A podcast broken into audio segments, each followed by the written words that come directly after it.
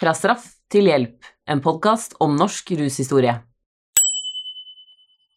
Da har vi kommet til siste episode eh, i vår podkastserie 'Fra straff til hjelp?' spørsmålstegn. Og jeg heter Anne Kveim Lie, og jeg leder bioprosjektet som denne podkasten går ut fra. Og med meg i studio så har jeg med Per Hove. Jeg er også med i bioprosjektet. Ja, og Anne Sigrid Stokke er medisinstudent i bioprosjektet. Og Ise Desage er også med i bioprosjektet. Og i denne episoden så skal vi oppsummere litt. Vi skal ta opp noen ting vi kanskje tenker er litt stemoderlig dekket, eh, og diskutere litt veien videre. Jeg lurte på, Per, eh, hvis vi starter med dagens situasjon Vi står i en dreiningstidspunkt eh, i ruspolitikken i Norge. Um, uh, og uh, regjeringen la i vår fram en, et forslag til rusreform uh, som innebar at bruk og besittelse av mindre mengder illegale stoffer skulle avkriminaliseres. Eh, nå eh, skal dette behandles i Stortinget den 3. juni, men forslaget til rusreform går etter all sannsynlighet ikke gjennom, fordi Arbeiderpartiet har bestemt seg for å ikke støtte det. Men eh, allikevel så er jo dette på en måte et ganske tydelig vendepunkt. Jeg lurer på bare kan du oppsummere litt? Hva var det, hva var det eh, regjeringen ba Stortinget ta stilling til eh, i vår? Ja, det regjeringen med sitt eh, forslag til rusreform ønsket, det var jo da, som du var inne på, å avkriminalisere bruk og besittelse til, til egen bruk. Eh, og med dette forslaget så ønsket jo regjeringen å Eller ønsker regjeringen å bryte bryte en, en, lang tradisjon i norsk narkotikapolitikk. En tradisjon som går tilbake til siste halvdel av 1960-åra. Da eh, bruk og besittelse til egen bruk ble kriminalisert, nærmere bestemt i 1968. Mm. Uh, og, så det er den lange historiske linjen da, som nå ønskes brutt. Og bruken og besittelse til egen bruk ja, straffe, Strafferammen var jo ikke så stor eller høy i, til å begynne med, men den ble jo skjerpet etter hvert. Og I 1984 så fikk man jo denne skjerpingen som innebar at man kunne straffes med fengsel i inntil seks måneder for, for bruk og det å besitte brukerdoser. Mm. Og det er nettopp denne siste skjerpingen som man nå ønsker å reversere. Mm. Eller fjerne. Mm. Eh, men hvorfor meldte spørsmålet om kriminalisering seg da i andre halvdel av 60-åra? Det som var spesielt eh, på den tiden, var at man, man registrerte et nytt eh, narkotikaproblem. Altså Fra før så hadde man hatt dette såkalte klassiske, den klassiske narkomanien, dvs. Si legemiddelavhengige personer, eh, pasienter, men også helsepersonell. Eh, en form for narkomani som gikk eh, langt tilbake i tid. Men i siste halvdel av 1960-åra så får man altså et nytt narkotikaproblem som man døper da ungdomsnarkomanien. Eh, og når man ønsker å kriminalisere bruk av narkotika, så er det vel kanskje særlig fordi man frykter at ungdomsnarkomanien kan bre om seg som en smitte. Og at man ved å straffe eh, eller kriminalisere bruk skal eh, ikke bare ramme den enkelte, men at det straffen også skal ha en allmennpreventiv virkning. Slik at man forhindrer eller forebygger da en sosial akseptering av, av narkotiske stoffer i ungdomsmiljøene.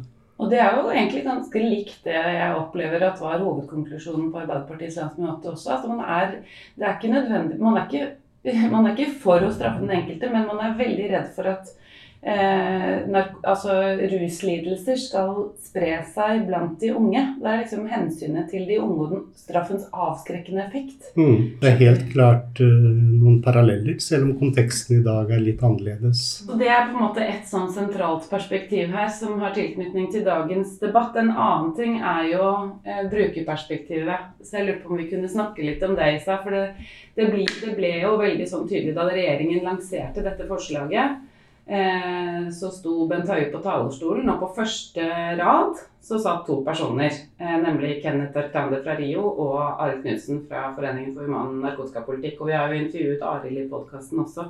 Men vi har også intervjuet flere andre brukere som har, som har startet eh, og vært representant for andre brukerorganisasjoner. Så dette er jo på en måte noe som har etablert seg og vokst seg veldig sterkt i løpet av de siste årene 20 eh. Så kan du si litt om det, Isa? Ja, altså det vi har sett, og det vi har hørt i podkasten også, er at brukerorganisasjoner har fått eh, en viss gjennomslag. De har fått en synlige, de har fått en plass i å utforme politikken, eller i hvert fall å være med ved det store bordet der de politiske diskusjonene føres de har iblant blitt beskrevet av ministeren som premissleverandører eh, for eh, eh, dagens politiske forslag for eh, rusreformen. Jeg tenker det er en fin og viktig eh, moment i organisasjonenes, eh, brukerorganisasjonenes historie. Sånn sett. At de får den synligheten og blir offentlig tildelt den plassen.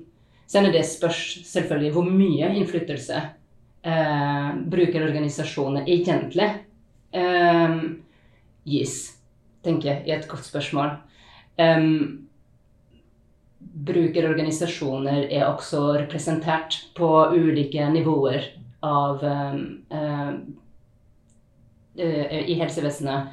Der ulike beslutninger fattes, og det er veldig bra. Uh, det er samtidig uh, igjen et spørsmål hvor mye reell innflytelse har organisasjonene. Og jeg tenker at det er en del av de tingene som um, vi kommer tenker jeg, å se mer av, eller høre mer om eh, fremover.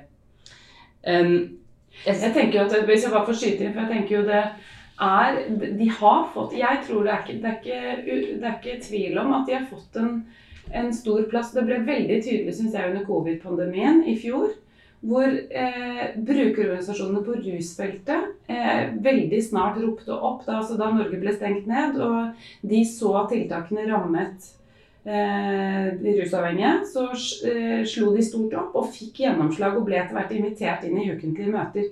Mens mm. noe tilsvarende så man ikke så tydelig på psykisk helsefeltet f.eks. Eller i noen av de andre eh, brukerorganisasjonene. Så jeg tror nå de, de har liksom fått en veldig sterk stemme og kanskje en sånn dør inn da, til, i hvert fall i det politiske nivået. Så er spørsmålet om den innflytelsen er like sterk i behandlingsapparatet. Mm. Ja, og jeg syns det var spennende også, eh, ikke minst blant eh, de intervjuer som vi, vi har hørt i podkasten vår. Og innser også at mange som jobber innenfor eh, behandlingsapparatet eller eh, helsebyråkratiet, eh, har blitt eh, mye mer lyhørt for brukerperspektivet eller allierte. Eh, og eh, har selv eh, tenkt mer og mer i de banene. At brukerne må bli med i å utforme den, de behandlinger eh, eller andre hjelpetiltak eh, som de har behov for. Um, så det, um, det tror jeg er veldig tydelig. Um, en del spørsmål som har blitt reist også i løpet av de intervjuene som vi har gjort, og som vi kan se i historien, spørsmålet om hvem som blir faktisk representert av de brukerorganisasjoner eller brukerstemmer som får plass i de politiske diskusjonene. Og det er noe som Hva mener du med det, egentlig? Eh, de, de, fleste brukerorganisasjoner i dag som er representert i eh, eh, de politiske diskusjonene, er tidligere brukere. Er folk som har gått i behandling, eller er i behandling. Ikke aktive brukere sjøl. og det vil si at de snakker fra den posisjonen. og det er noe som de gjerne sjøl snakker om. Altså at de behøver samtidig representere flere enn seg sjøl. De behøver representere um, folk som er i aktiv eh, rus, f.eks. Um, og uh, dette har vært tenker jeg, en ganske gjennomgående uh, diskusjon, egentlig, i og mellom organisasjonene i ja, lett 15-20 år. Kanskje faktisk litt lenger enn det. Um, Hvem Og- snakker du på vegne av, liksom? ja, Ja. og som jeg tror Arild nevnte det Mm. i, den, eh, i podkasten vår, f.eks., at eh, hans organisasjon eh, alltid eh, er i kontakt med aktive brukere. Fordi den erfaring man skal formidle, og de behovene man skal formidle som organisasjoner, må være fersk nok. Det er noe som flere eh, har snakket om. Det er en levende diskusjon eh, tenker jeg, i de organisasjonene. Hvordan kan de representere flest mulig? Og det som er tydelig også, tenker jeg, er at organisasjonene ikke alltid har samme mening og posisjoner i narkotikapolitiske spørsmål. Eh, også i forhold til eh, hvilke eh, behandlingstiltak som er bra eller best. Derfor så tenker jeg, det var jo helt, jeg tror det var med, eh, var med veldig sterkt medvirkende til at eh, regjeringspartiene greide å enes om rusreformen, var jo at brukerne gikk samlet ut, altså representanter fra de ulike brukerorganisasjonene gikk samlet ut og støttet det i 2016. Det var en veldig sånn klar for, ellers så hadde, jeg har opplevd ganske mye sånn, eller sett, ikke opplevd selv, men, men sett det har vært veldig mye kiving om ruspolitiske temaer og veldig ulike posisjoner. Ja. Og det siste man kan se kanskje i eh, under den perioden der uh, rusreformen har blitt, eller rusreformforslaget har blitt utarbeidet, så har et utvalg som kaller seg Skyggeutvalget, uh, bildet uh, som et, en alternativ stemme som de mener representerer bedre brukere på feltet. Og med det så mener de aktive brukere, bl.a. Uh, rekreasjonelle brukere, som de bruker hete, som også har helsebehov, eller helserelaterte behov. Um, og, det er poenget med dette utvalget der, som har levert eh, en egen eh, rapport, eh, var å kunne bidra med det perspektivet. Jeg tenker en annen eh, et annet perspektiv som ikke er så godt representert i diskusjonene, er ofte et minoritetsperspektiv. minoritetsperspektiv. Um, altså etniske minoriteter uh, innenfor uh, rusbrukergrupper. Uh, som også, det er også en representasjonsmangel som er som folk adresserer, tenker jeg, opplever jeg, i, eh, blant organisasjonene. Men og det er ikke som at det er nytt, liksom. Altså, I den stortingsmeldingen som kom i 1995 om narkotika, så var jo de såkalte innvandrerbrukerne et eget eh, omtalt område. Mm. Så, men allikevel så har de jo ikke hatt plass i noen av de brukerorganisasjonene, sånn som vi har observert utenfra. Mm. Samtidig som jeg opplever at flere av organisasjonene og reformutvalget har prøvd å løfte eh, noen form av forskjellsbehandling Ja. av eh, folk av ulike eh, brukergrupper, avhengig på Mm. eh, f.eks. om de bor i Oslo øst eller Oslo vest. Så at det spørsmålet får plass. Eh, men det fins fortsatt eh, Det jeg prøver å si, er at jeg tenker at det fins fortsatt eh, rom for bredere representasjon. Og opplever det er et spørsmål som, er, som lever i organisasjonsmiljøene. Ja. Jeg tenker En siste sak som man kan se i forhold til brukerorganisasjonene, er hvordan en del paroller eller ideer har fått gjennomslag, som ideen om 'ingenting om oss uten oss'. Eh, altså at eh, brukere skal være representert i det Som jo det- egentlig kom fra Det er jo blitt Bent Høies slagord for hele helsefeltet, egentlig. Men det kom jo fra eh, funksjonshemmede organisasjoner på 90-tallet. Og så ganske raskt Jeg vet ikke, har du noe Nei, veit vet ikke noe om når det først kom inn i brukerorganisasjonen internasjonalt også. Ja. Og det som man ser også som tilsvarer en internasjonal trend, er også en eh, retning som går alt mer mot en rettighetsdiskurs. Altså en idé om at det som skal eh, kjempes for, er ikke bare eh, pasientrettigheter, men menneskelige eh, rettigheter. Altså at eh, mennesker som bruker eh, eh, illegale rusmidler, eh, skal få ha samme type av statsborgerskap og menneskelige rettigheter som alle andre. Dette beskriver jo egentlig en ganske stor endring over eh, relativt kort tid når det gjelder eh, forhold i rusfeltet. En annen endring kanskje er holdninger. Og synet på ja, narkomani og de narkomane, ikke minst.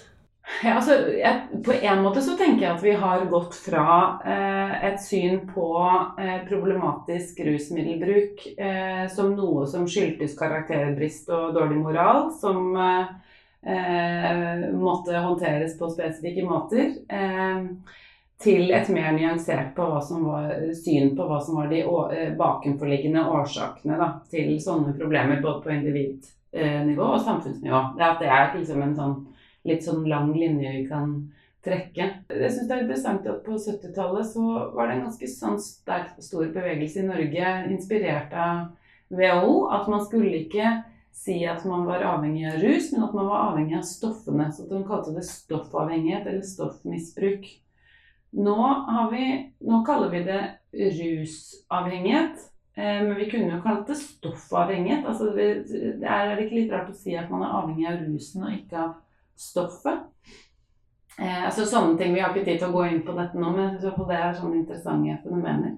Ja, og jeg tenker Noe av grunnen til at det ble så stigmatisert så kjapt altså Én ting er, eh, er selvfølgelig eh, eh, kriminaliseringen som altså All straff har til hensikt å stigmatisere, så det er jo opplagt noe som skjer. Men i tillegg så er det jo den moralske panikken i mediene som vi snakket om i første episode eh, med deg, Anne Sigrid. Et litt sånn morsomt uttrykk for både det skremmebildet for stoff, eh, stoffets, de illegale stoffenes far, ekstreme farlighet, men også liksom, uttrykk for den begynnende stigmatiseringen. Det er jo den filmen 'Himmel og helvete' som hadde Lillebjørn Nilsen i hovedrollen. Skal vi si litt om den, mm. Per? eller? Ja, det er jo på mange måter en veldig interessant film.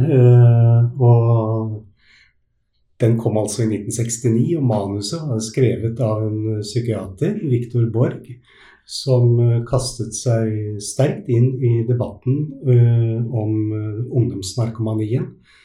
Og ville bruke da filmmediet til å, til å skremme og forebygge da sosial akseptering og utstrakt rus bruk. Så uh, Lillebjørn Nilsen var jo med. Han, det tok ikke mange dager eh, altså, før han tok avstand fra filmen og det at han overhodet hadde vært med. Uh, det, ble, ja, det ble en kjempedebatt ja. uh, kjølvannet av denne filmen. Og det var mange som mente at her hadde man gått langt over streken.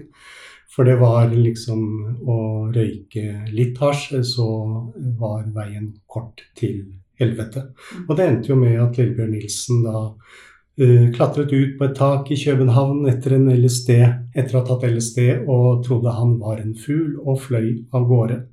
Han kom jo ikke så langt. Nei. Nei, uff, det er fælt å le, for det var jo veldig tragisk slutt. Men det var jo sånn, altså det er jo et paradoks det der, fordi man har jo trodd lenge at dette med skremselsfortellinger skulle gjøre at folk, eh, at ungdom ble skremt. Altså på samme måte som straff. Så mm. mediene har jo hatt litt samme funksjon, mens myndighetene har jo vært mye mer skeptiske til det, og også behandlingsapparatet behandlingsapparatet skeptisk til det som virkemiddel. Og vi kan jo spole ti år til, så får vi en annen skremmefilm som eh, jeg tror egentlig de aller fleste, akkurat som meg, så på ungdomsskolen og ble livredde av. Eller med skrekkblandet fryd, på en måte det skumleste vi hadde sett. Eh, og på den andre siden eh, tiltrekkende fordi det var så utrolig annerledes. Og det var jo Kristiane F. Var jo, altså, sentralrådet var jo veldig mot at Kristiane F skulle vises rundt på skolene. Eh, men allikevel så har jo de aller, aller fleste i min generasjon sett den, bl.a. fordi den ble vist på skolene. Så den er basert på eh, en eh, historie om en 13-åring eh, som eh, er rastløs og eh, litt sånn grensesprengende, og ender opp i rusbruk, som jeg sa, på Bahnhof så. Eh, og den blir eh, eh, den også, Og så blir den filmatisert. Så filmen kommer i 1980. Altså boka kom i 1978 eller 79. Eh, og den har, er berømt også for en gjesteopptreden av David Bowie, som for øvrig også har skrevet soundtracket.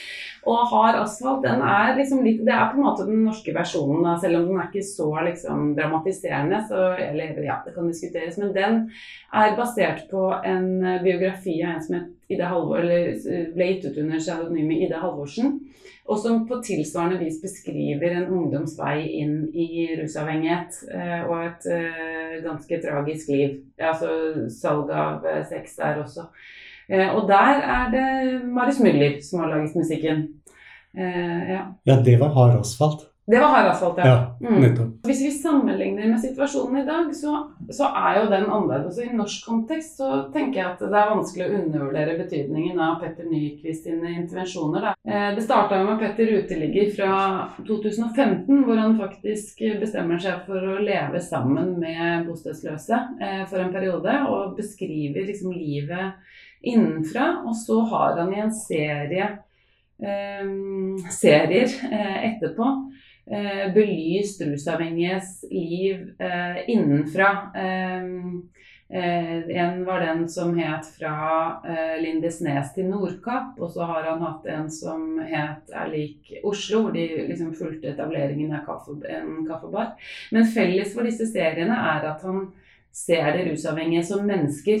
Du, og jeg tenker at det, eh, effekten av det på en måte blir at vi eh, blir en avstigmatisering. Det er en ganske sånn sterk sosial bevegelse i retning av en avstigmatisering. For, du, eh, for seeren så fører det til gjenkjennelse. Man kan se dem som mennesker som man kan kjenne seg igjen i på ulike måter.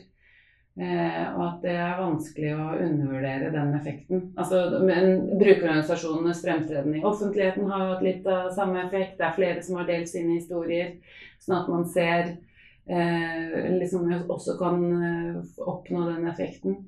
Eh, så, så det, er mange, det er mange andre ting også, men jeg tenker at eh, eh, Og det er nok mer Det er liksom Ja. Uh, det er bare én av mange Jo, er lik Oslo Gatemagasinet kjempeviktig også for den Mm. delen. Da, at du har liksom møtt folk på gata på den som har fortalt seg selv, og også de intervensjonene de har gjort. Uh, Mm. Det er mange mm, blant brukerorganisasjonene som peker på den rollen som uh, Nini Stoltenberg og. Stoltenberg-familien Ja, ja, ja, som en eh, vendepunkt. Arild nevnte det i, i podkasten. Mm. men jeg har hørt flere si det når jeg har spurt hva er milepæler i, Ja. liksom, i, i eh, en holdningsendring. holdningsendringer. Søsteren til statsministeren, datteren til en tidligere utenriksminister, står fram sammen med faren sin og liksom i gang på program etter program. Og Mm. det det liksom må ha kostet dem begge egentlig å bli offentlige figurer på den måten, det er det nesten ikke mulig å eh, forestille seg. Ja. Eh, men midt i establishmentet liksom, så får du fortellingen om at dette har skjedd. Og uh, Nini var også en veldig sånn sterk på, altså påpekte veldig sterkt forskjellsbehandling, utenforskap, eh, stigmatisering av denne eh, av de som slet med ruslidelse. Og det virker det var eh, altså, de- bruker brukerorganisasjoner som fantes, eller hadde funnits på feltet, hadde prøvd, altså hadde selv også jobbet med opinionen med å prøve å gi både eh, Altså å gi eh, rusavhengige et mer menneskelig ansikt utad, på en måte. Eh, og kjempe for en avstigmatisering av eh, LAR-brukere også. Eh, altså til og med folk som da i behandling Mm. eh, og ikke i aktiv rus, eh, opplevde en veldig sterk stigmatisering eh, på både 90- og 2000-tallet. Så organisasjoner og brukere hadde jobba eh, for en avstigmatisering, men det virker som at det skjedde noe eh, når kjent person i en etablert politisk familie eh, ga eh, en veldig eh, kjent menneskelig Ja. ansikt til virksomheten. Og Mm. på en måte Det virker som at de visste at det kunne Altså at det angår oss alle. Det er Mm. ting som man kan streve med i alle miljøer. Um, også med privilegerte miljøer. Mm. Og det engasjementet som, den, eh, som også hele familien viste, det var viktig eh, over lenge tid. Det ble også et politisk engasjement. Du hører på Fra straff til hjelp, en podkast om norsk rushistorie. Avstigmatisering er jo en av grunnene til at man ønsker seg en rusreform i dag. Og denne podkasten heter jo 'Fra straff til hjelp?' spørsmålstegn. Eh, og nå ønsker vi å snakke litt om hvilke typer hjelp man har tilbudt før. Fordi når man kaller forslag til rusreform fra straff til hjelp, så kan det jo kanskje virke som man ikke har hatt et tilbud om hjelp før, Anne. Ja. Ja, vi har, hadde, I første episode snakket, nei, andre episode snakka vi jo litt om eh, tidligere behandlingstiltak. Så det er jo ikke sånn at man ikke har hatt hjelp før. Eh, men hjelpen har vært, eh, den, eh, har vært litt eh, varierende. Den har variert både i form og innhold og omfang, og den har vel egentlig aldri vært helt tilstrekkelig. Eh, men det Helge Wold snakket om, det var jo Han snakket om sin tid på HV-land, eller Statens klinikk for narkomane, som jo var den første klinikken for behandling av avhengighet av illegale stoffer. legale, legale og illegale stoffer som vi hadde. Han snakket om overgangen eh, når man begynte å få inn eh, de ungdommene eh, som brukte sentralstimulerende stoffer.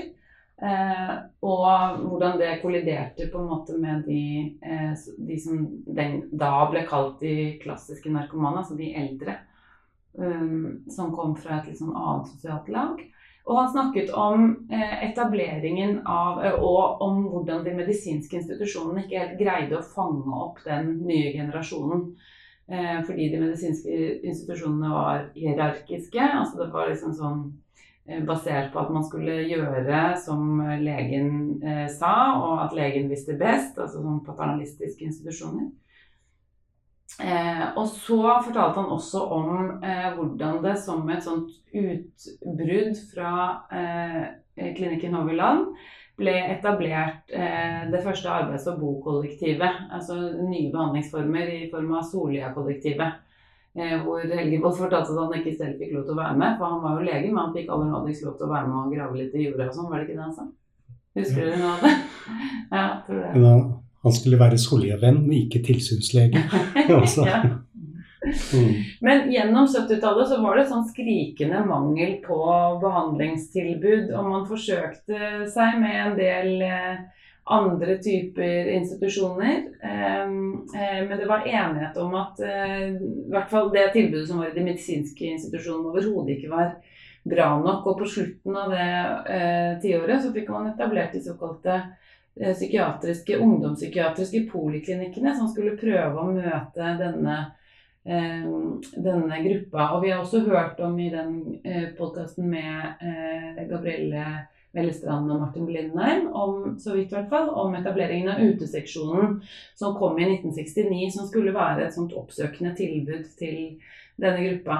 70-, 80- og 90-tallet ser også fremveksten av en rekke nye institusjoner. Én er at vi får fremveksten av en rekke kollektiver inspirert av Soløya-kollektivet, eller av den type behandlingsideologi som da var tuftet på at det skulle være eksplisitt ikke-medisinske institusjoner, og man skulle ha eh, eh, man skulle Delvis var det basert på at man skulle bo sammen med behandlerne. At det ikke skulle være noe skille mellom behandlere og eh, klienter eller brukere som var der, og de skulle delta aktivt i virksomheten eh, på senteret. Eh, og eh, Fossum-kollektivet og andre typer kollektiv ble etablert i forlengelsen av den type eh, modeller. Eh, og der var det, altså I sentrum her sto jo sosialpedagogiske prinsipper, hvor det var viktig at man deltok i felles aktiviteter. Eh, et sånt annet bo- og arbeidskollektiv eh, er jo eh, Tyrili-kollektivet, som var inspirert av den svenske Hasla-pedagogikken. Kan du si noe om det, Per? Hasla-pedagogikken?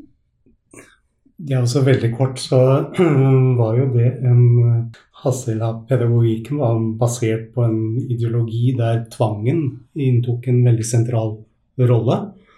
Uh, og på den måten så skilte den seg vel ut fra også da Solja-kollektivet, som var mer basert på et uh, gjensidig samarbeid, fellesskap. Uh, mm. Eh, og så var det jo, eh, tenker jeg, viktig for, eh, dis- for Tydelig-kollektivet at, eh, at de hadde en tro på forandring hos den enkelte. Det var en sånn veldig mm, sterk filosofi om at man skulle vokse seg nær hverandre. Det var vekt på relasjonsbygging. Eh, og så egentlig litt sånn skilte seg litt fra fra disse bo- og arbeidskollektivene som var mindre, mindre basert på personlige relasjoner og mer på arbeid i fellesskap, da, hvis vi kan si det sånn. Ehm, og så har vi jo eh, de såkalte veksthusmodellene som får sterkt gjennomslag i Norge på 80- og 90-tallet. Eh, som eh, er, springer ut av en institusjon som het, tror jeg, Synanon i USA. Eh, men norske, de norske veksthusene er spesielt inspirert av det engelske Phoenix House, som etableres i London. Og En annen betegnelse for disse er jo de, eller altså Dette er jo basert på liksom tanken om de terapeutiske samfunn.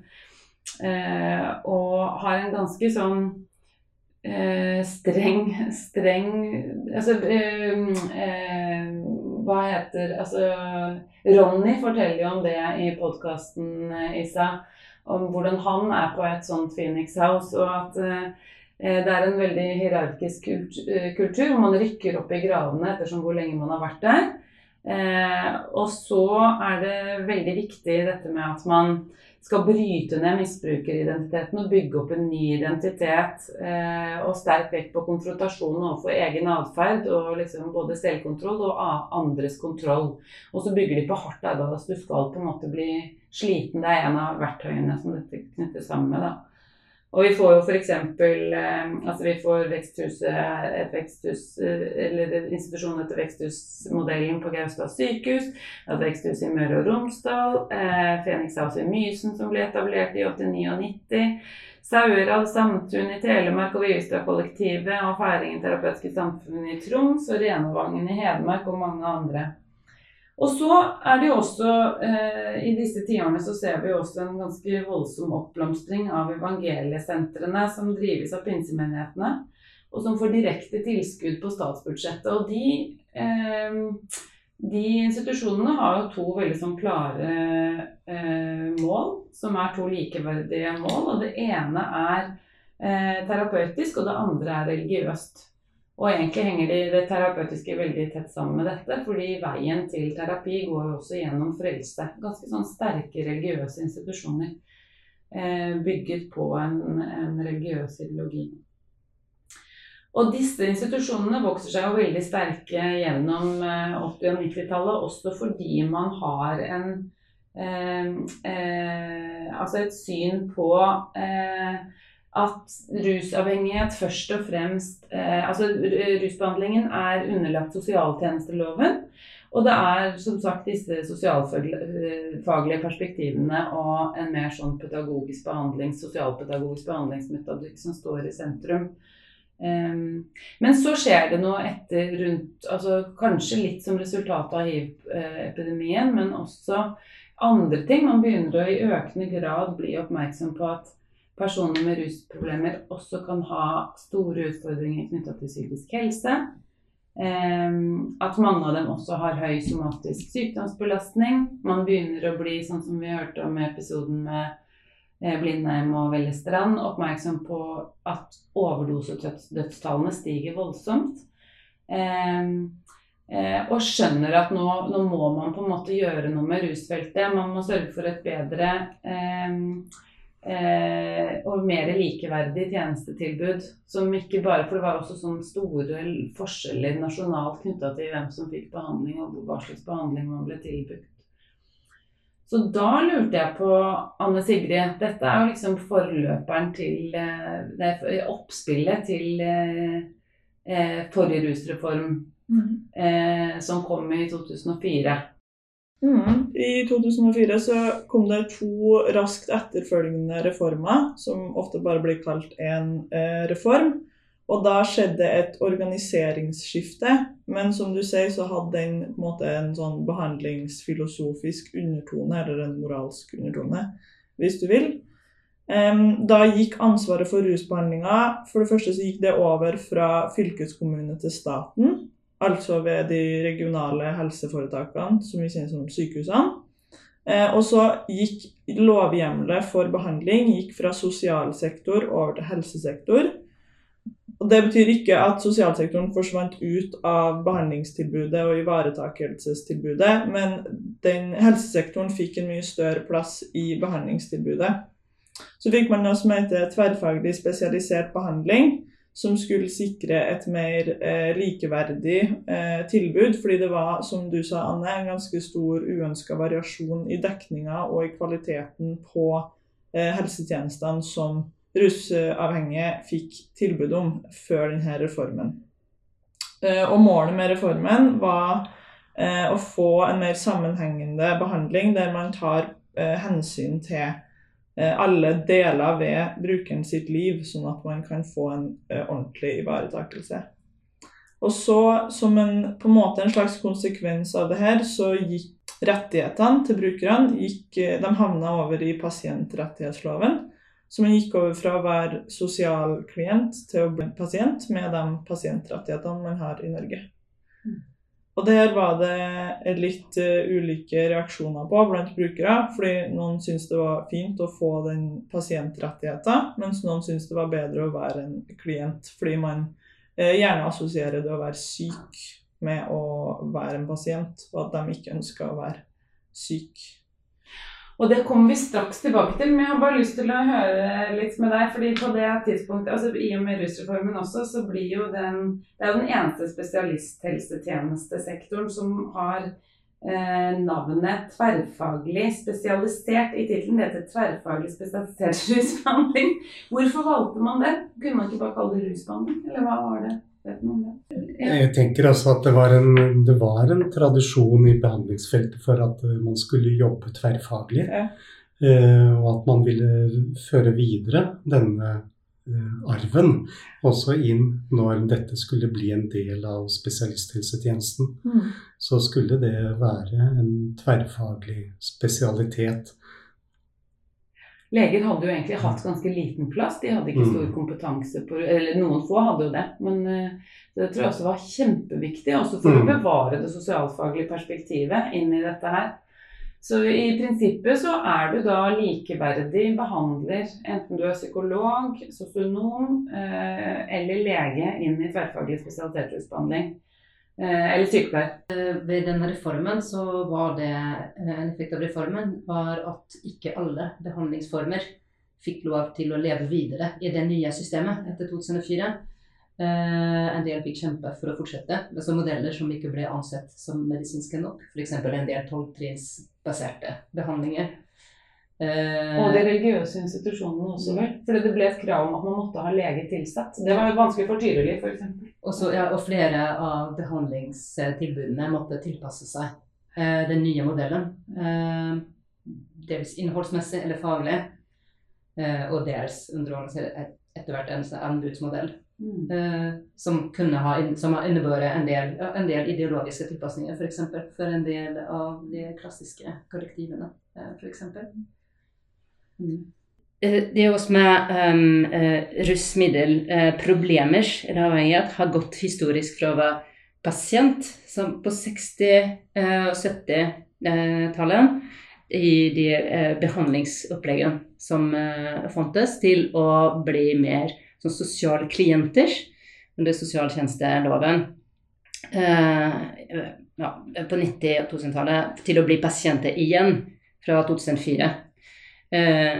Eh, og frem til da, i dag. Ja, og spørsmålet er om dette har hatt den avstigmatiserende effekten som det var tenkt å ha. Det er et tema som vi har snakket om. Nå er det spørs da om det kan se ut som historien oppreper seg sjøl, eller i hvert fall vekker noe gjenklang. Og det er det spørsmålet om uh, det fins ting som dere tenker på, dere kjenner igjen fra den store historien som, uh, som vi har hørt.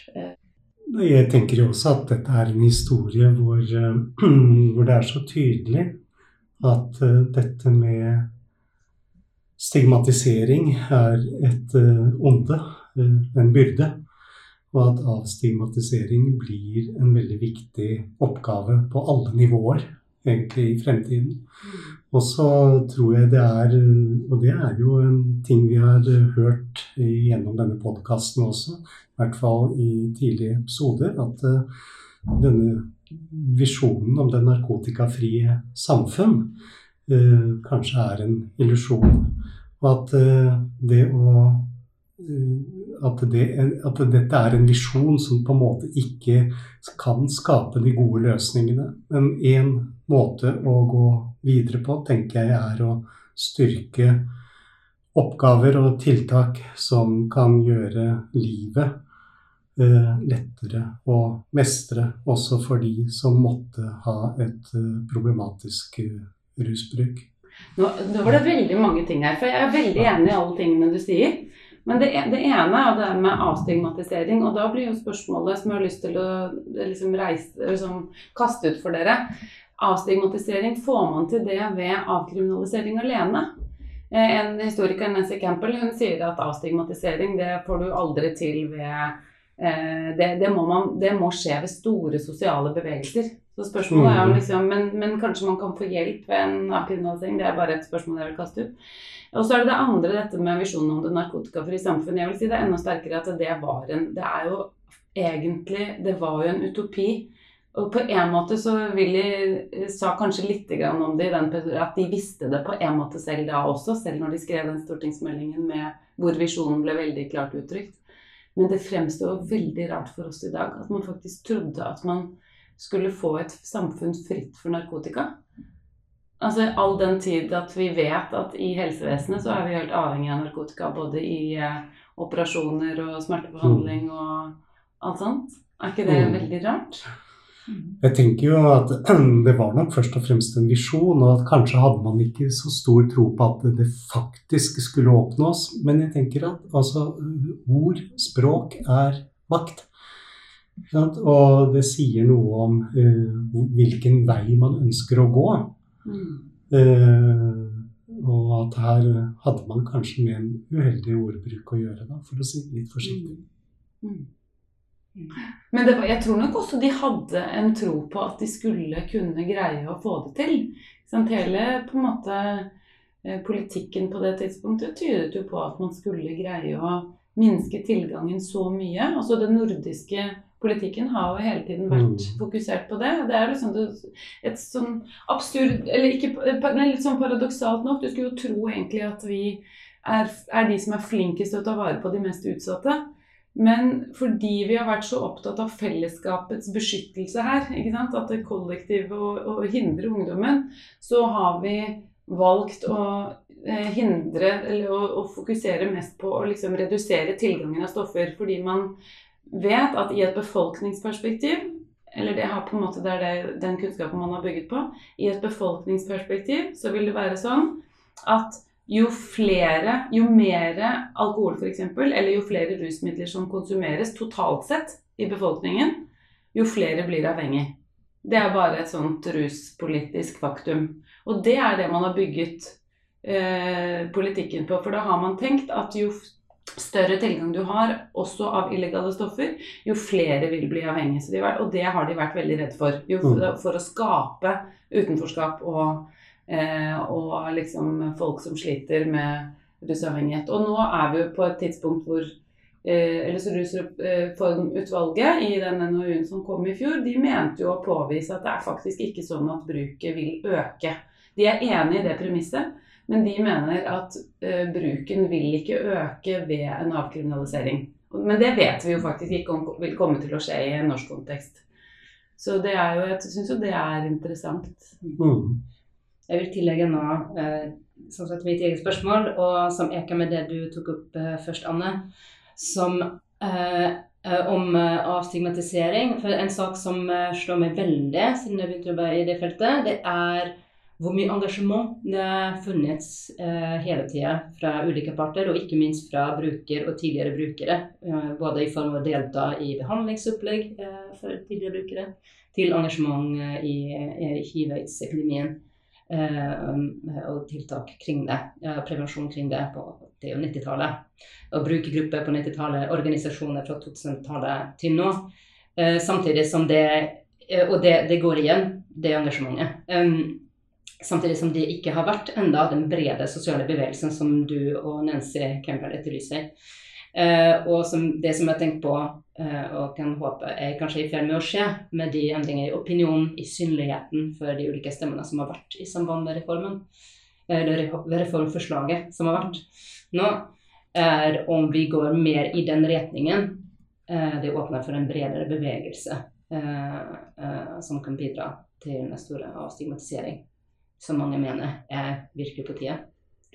Jeg tror jo, altså Vi historikere blir jo alltid bedt om jeg, Det opplever i hvert fall jeg vet ikke hvordan det er med dere men i media. Så, så alltid er det noen journalister tror en av merkelige grunner at vi er gode til å spå om fremtida. Mm. Og det er, det er, jo kjempevanskelig. Men jeg, jeg har liksom veldig inntrykk av at eh, den beslutningen som ble gjort nå, den var på linje med fortida og ikke fremtida. Så jeg tror dette kommer, det kom, kommer til å komme. Altså det er internasjonalt så tydelige trender i den retning at eh, jeg har vanskelig for å se at ikke det skal komme en liberalisering i norsk narkotikapolitikk.